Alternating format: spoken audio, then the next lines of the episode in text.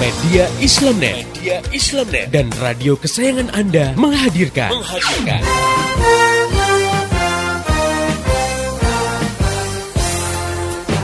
Voice of Islam. Voice of Islam. Voice of Islam. Di satu sisi diyakini bahwa perbuatan judi dan semua bentuk kemaksiatan itu diharamkan oleh Islam. Itu juga banyak yang sudah tahu. Namun di sisi lain, umat Islam sendiri tidak memiliki kemampuan untuk melarang kegiatan seperti itu. Karena sebenarnya kalau orang paham Islam, maka tidak akan dia punya pendapat wanita harus bekerja karena Islam tak pernah mewajibkan wanita untuk bekerja yang wajib bekerja itu laki-laki hmm, karena mereka iya. wajib menanggung nafkah keluarganya. Jadi sebenarnya hukumnya wanita bekerja itu mubah, hmm, boleh ya, ya, jadi tidak dosa. Pemanfaatan tenaga nuklir apabila dipergunakan untuk kemaslahatan umat seperti penggunaan sektor non energi dan energi tersebut, maka hukum Islam memperbolehkan bahkan menganjurkan. Namun apabila digunakan untuk tenaga nuklir yang sifatnya menghancurkan kehidupan, dan menimbulkan kerusakan di muka bumi, misalnya seperti senjata nuklir, maka hal ini tersebut haram hukumnya. Allah Subhanahu wa taala mencela tindakan merusak dan orang-orang yang membuat kerusakan di muka bumi.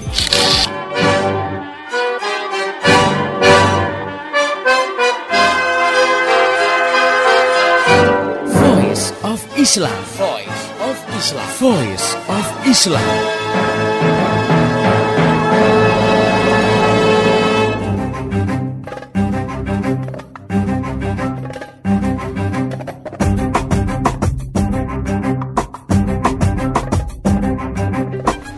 Halo Indonesia, Assalamualaikum warahmatullahi wabarakatuh.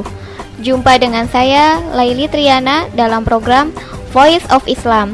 Kerja bareng media Islamnet dengan radio kesayangan Anda ini. Dan selama 30 menit ke depan, Voice of Islam akan menemani Anda dalam rubrik Tamu Kita Pekan ini.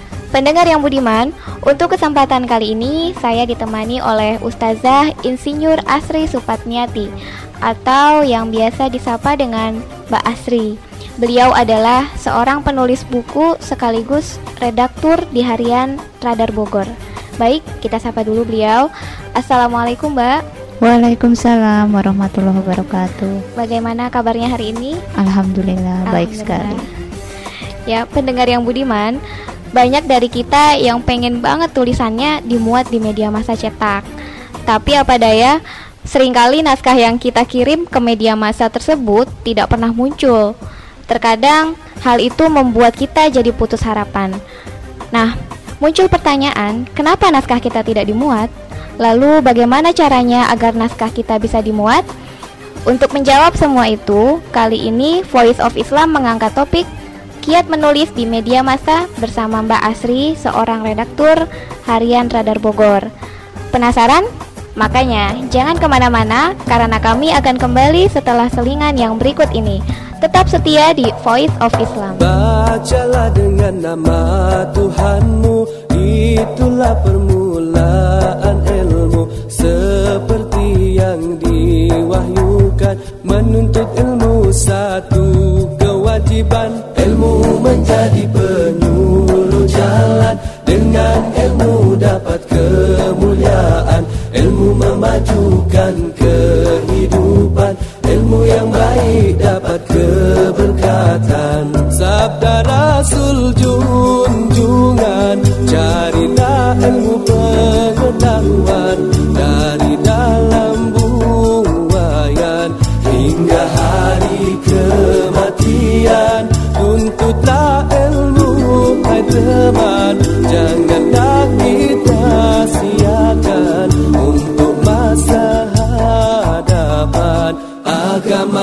bangsa Bacalah dengan nama Tuhanmu Itulah permulaan ilmu. Seperti yang diwahyukan Menuntut ilmu satu kewajiban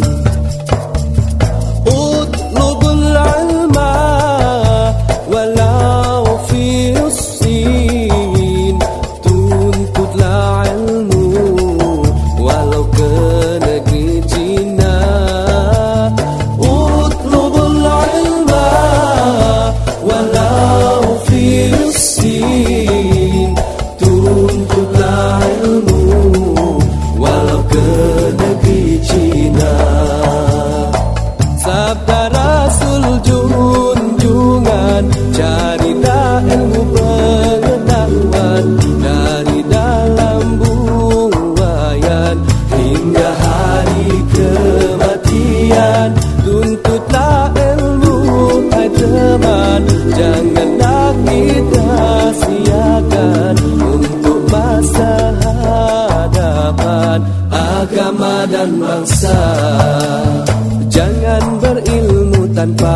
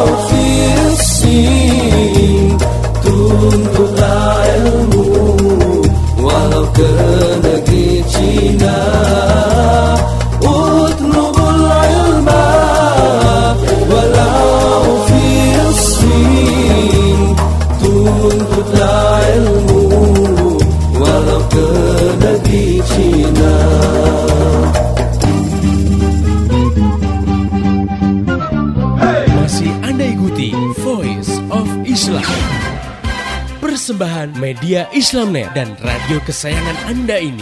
Voice of Islam. Voice of Islam. Voice of Islam.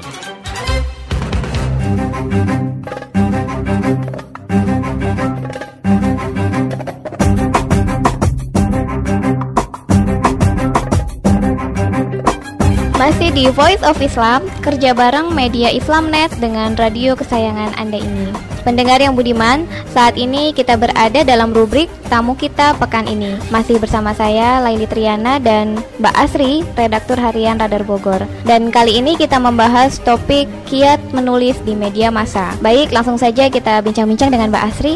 Nah, Mbak, eh, sebagai praktisi di media massa, menurut Mbak seberapa besar sih minat masyarakat untuk menulis di media massa? Baik Mbak Laili dan pendengar yang budiman, kalau sepengetahuan saya ya, saya rasa minat masyarakat cukup besar. Ini bisa dilihat ya, eh, terutama bagi mereka yang kritis terhadap berbagai persoalan masyarakat seperti mahasiswa, LSM, politikus atau bahkan aktivis dakwah ya. Mereka biasanya orang-orang yang rajin menulis di media.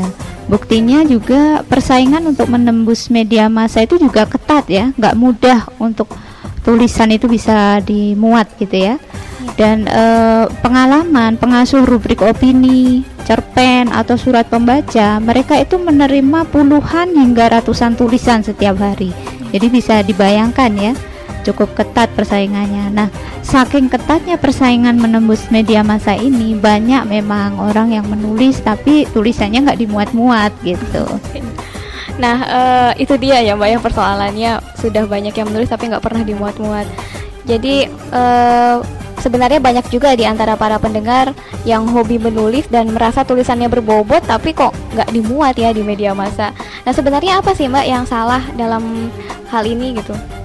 Iya, memang ya. eh, sekadar menulis saja, saya yakin semua juga bisa. Apalagi kalau mengukur eh, parameter dengan eh, ukuran diri sendiri ya, sudah merasa pede, bagus gitu ya tulisannya ya. Tapi tentu saja eh, parameter bagus tidaknya tulisan ini tidak bisa dinilai secara subjektif oleh si penulis pribadi, sebab untuk menembus media massa ini ada beberapa hal yang harus dipahami agar tulisannya itu bisa dimuat. Nah, bisa dijelasin nggak Mbak uh, yang lebih detail apa aja itu kriterianya? Baik, uh, Mbak Laili dan juga pendengar yang budiman, terutama yang suka nulis nih ya. Untuk menembus media massa, yang perlu diperhatikan bagi penulis adalah tulisan seperti apa sih sebenarnya yang dikehendaki oleh media massa tersebut. Sebab tentu saja ya masing-masing media itu punya kriteria tersendiri. Ini terkait dengan ya segmen pembacanya, gaya bahasanya, dan bahkan juga visi dan misi media yang bersangkutan. Jadi pertama yang harus dilakukan adalah kenali kebijakan redaksional media massa tersebut. Misalnya isu apa sih yang biasanya paling diharapkan di media bersangkutan? Sebab media daerah misalnya ya sensnya tentu berbeda dengan media nasional. Kemudian media masa Islam misalnya juga berbeda dengan media masa umum mengenai eh, topik-topik atau tema-tema yang ditonjolkan. Nah, kemudian yang kedua eh, perhatikan juga panjang pendeknya tulisan. Ini memang masalah teknis ya, tapi ini penting karena masing-masing media massa ini punya space yang berbeda untuk uh, pemuatan tulisan dari penulis luar ya. Karena kadang-kadang nih saking semangatnya banyak penulis itu yang uh, mengirim tulisan panjang sekali seperti makalah ya. Bahkan ada yang misalnya habis seminar tulisan seminarnya itu ya dikirim minta dimuat. Nah, ini kan kadang-kadang itu nggak cocok untuk media yang bersangkutan. Nah, sebaliknya juga tulisan yang terlalu pendek juga akan merugikan penulis sendiri karena kalaupun nanti dimuat pasti akan ditambahi kan oleh redaktur rubrik yang bersangkutan. Nah, bisa jadi ketika ditambah itu nanti substansi tulisannya itu malah beda gitu dengan yang diinginkan penulis. Lagi pula juga nanti kalau ke, e, med, apa tulisannya terlalu pendek itu peluang dimuatnya juga kecil ya karena bisa saja redakturnya males nambahin gitu kan. Nah, jadi sebaiknya dipaskan atau kalaupun lebih sedikit saja. Misalnya ya, untuk rubrik artikel di media masa umum itu rata-rata antara 6.000 sampai 7.000 karakter. Memang tergantung medianya tadi ya. Misalnya Kompas tentu berbeda dengan media Indonesia gitu kan. Iya, atau iya. Jawa Pos berbeda dengan uh, suara Merdeka misalnya ya. Nah, kemudian untuk cerpen atau surat pembaca lain lagi. Tentunya kalau surat pembaca nggak bisa ya sampai panjang 6000 sampai 7000 mungkin cukup 1000 sampai 1500 karakter seperti itu. Oh ya jadi begitu ya mbak ya. Berarti banyak juga rambu-rambu yang harus diperhatikan para penulis ya mbak. Tidak sekadar membuat tulisan dan dikirim begitu saja. Iya betul sekali mbak Laili. Bahkan termasuk teknik pengiriman ya ini kelihatannya sepele tapi oh, cukup iya. menentukan juga. Misalnya kalau zaman dulu kan kita ngirim tulisan masih pakai surat ya lewat pos. Nah, ini sebaiknya dihindari ya termasuk juga uh, menggunakan faksimil. Uh, ini kalau nggak terpaksa sekali ya sebaiknya dihindari ya. Karena apa? Kalau tulisan dalam bentuk artikel yang panjang misalnya ya, kalau dikirim lewat pos, dikirim print outnya atau lewat fax, ini biasanya redaktur juga sudah malas untuk mengetik ulang gitu yeah, kan. yeah. karena sekarang kan sudah zamannya sudah canggih ya. Kenapa enggak misalnya kita pakai email hmm. pakai soft copy-nya ya dengan mengantarkan langsung. Kalau memang kantor redaksinya dekat ya bawa CD atau flash disknya nanti tinggal dikopikan. Sehingga redaktur juga akan merespon lebih baik karena dia nggak usah ngetik ulang tinggal mengeditnya gitu kan. Nah ini juga akan mempermudah uh, redaktur kerja redaktur opini terlebih lagi kalau ngirim surat atau uh, kirim surat pakai pos ya terutama ya. Bisa saja kan lama ya. Iya. nanti isu yang ditulis sudah lewat gitu kan. Jadi tidak aktual lagi gitu. Iya. Wih, kita dapat rahasianya nih. Nah, e, bagaimana dengan penulis pemula dan bagaimana pula tips agar tulisan bernafaskan Islam bisa dimuat di media masa umum? Nah, kita akan bahas pertanyaan-pertanyaan yang tadi setelah selingan berikut ini. Tetap setia di Voice of Islam. Subhanallah.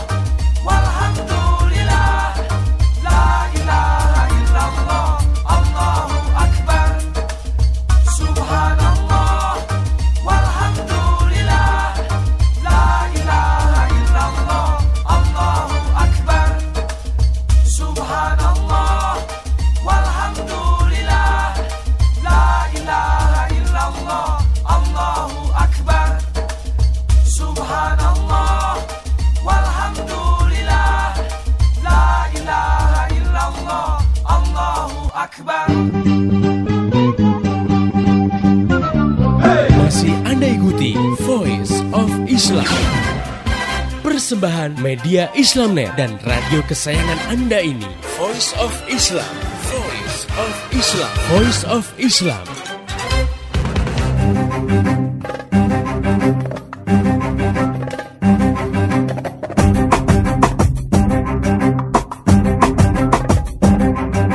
Masih di Voice of Islam, kerja bareng media Islamnet dengan radio kesayangan Anda ini. Pendengar yang budiman, saat ini kita masih berada dalam rubrik tamu kita pekan ini. Masih bersama saya Laili Triana dan Mbak Asri, redaktur harian Radar Bogor.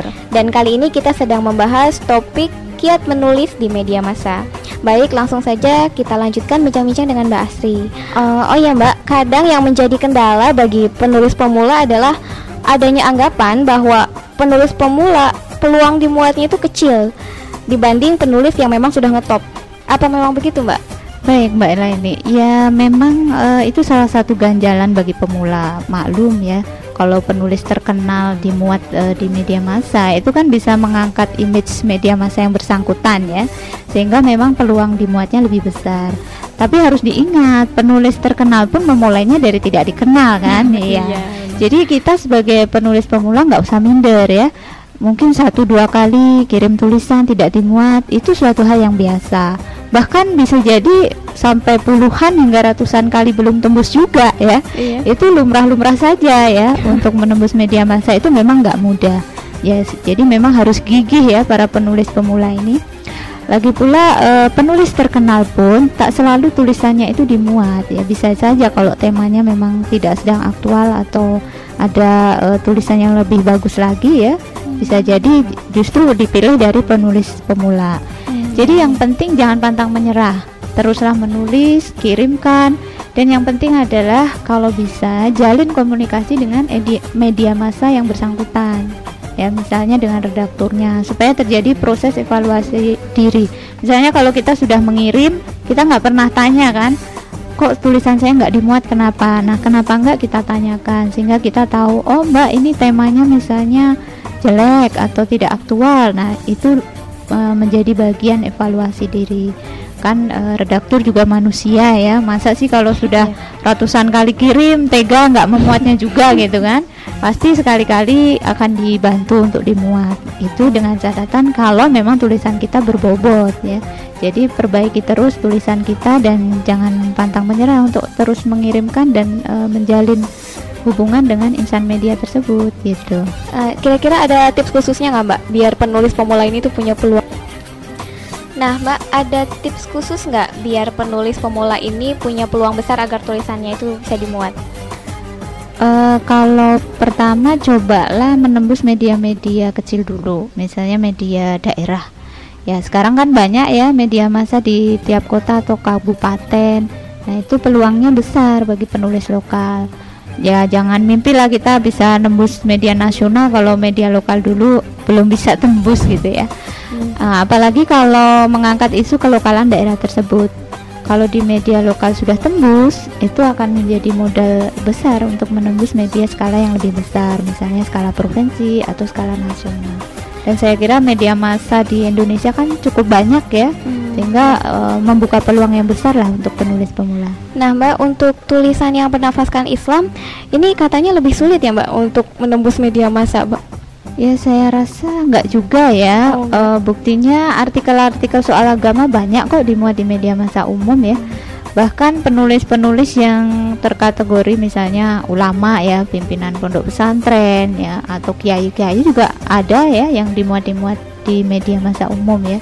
Eh, yang penting strateginya, gaya bahasa, analisa dan struktur tulisannya itu harus sesuai dengan pola umum penulisan artikel. Kalau itu bentuknya artikel ya.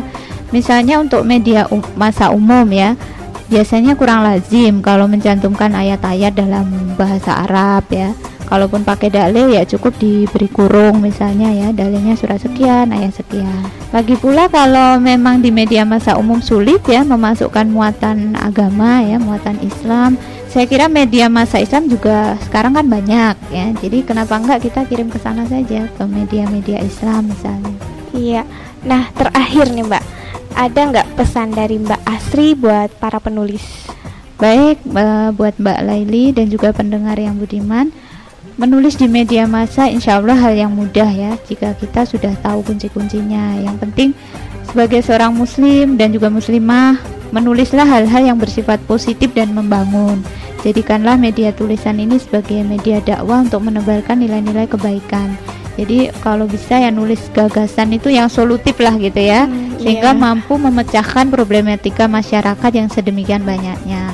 Selain itu, jadikanlah tulisan kita itu menjadi inspirasi gitu bagi siapa saja yang membacanya untuk berubah menjadi lebih baik. Mungkin itu saja, mudah-mudahan bermanfaat bagi pendengar yang budiman, khususnya bagi yang memilih menulis sebagai salah satu wahana untuk menebarkan gagasannya. Selamat menulis. Ya, iya. Selamat menulis buat para pendengar. Ya, oke okay, pendengar, kami juga menampung kritik, saran, juga usulan-usulan Anda untuk dibahas dalam rubrik tamu kita pekan ini. Anda bisa kirim surat ke radio kesayangan Anda ini atau kirim SMS ke 0856 9492 4411 atau bisa juga melalui email ke mediaislamnet@yahoo.com. Akhirnya, saya Leli Triana dan seluruh kerabat kerja yang bertugas mengucapkan terima kasih kepada Mbak Asri atas penjelasannya, Mbak. Sama-sama. Ya, mudah-mudahan obrolan kita tadi bermanfaat bagi pendengar yang budiman, khususnya yang tertarik untuk mencurahkan gagasan-gagasannya melalui tulisan di media massa. Terima kasih juga buat pendengar yang telah setia mengikuti acara ini. Pesan saya, sampaikanlah apa yang Anda peroleh dari acara ini kepada yang lain agar rahmat Islam bisa segera tersebar luas termasuk di kota Anda yang tercinta ini. Dan esok hari, insya Allah Voice of Islam akan kembali hadir di waktu dan gelombang yang sama. Mari menimbang masalah dengan syariah. Assalamualaikum warahmatullahi wabarakatuh. Cukup bagiku Allah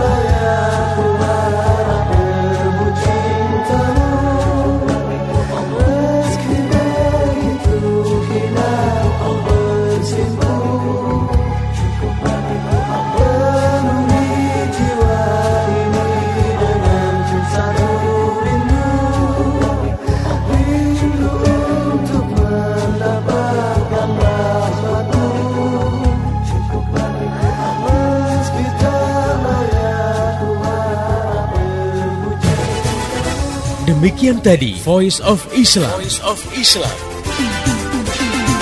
Semoga hikmah yang terkandung bermanfaat untuk kita semua. Amin amin amin ya robbal alamin.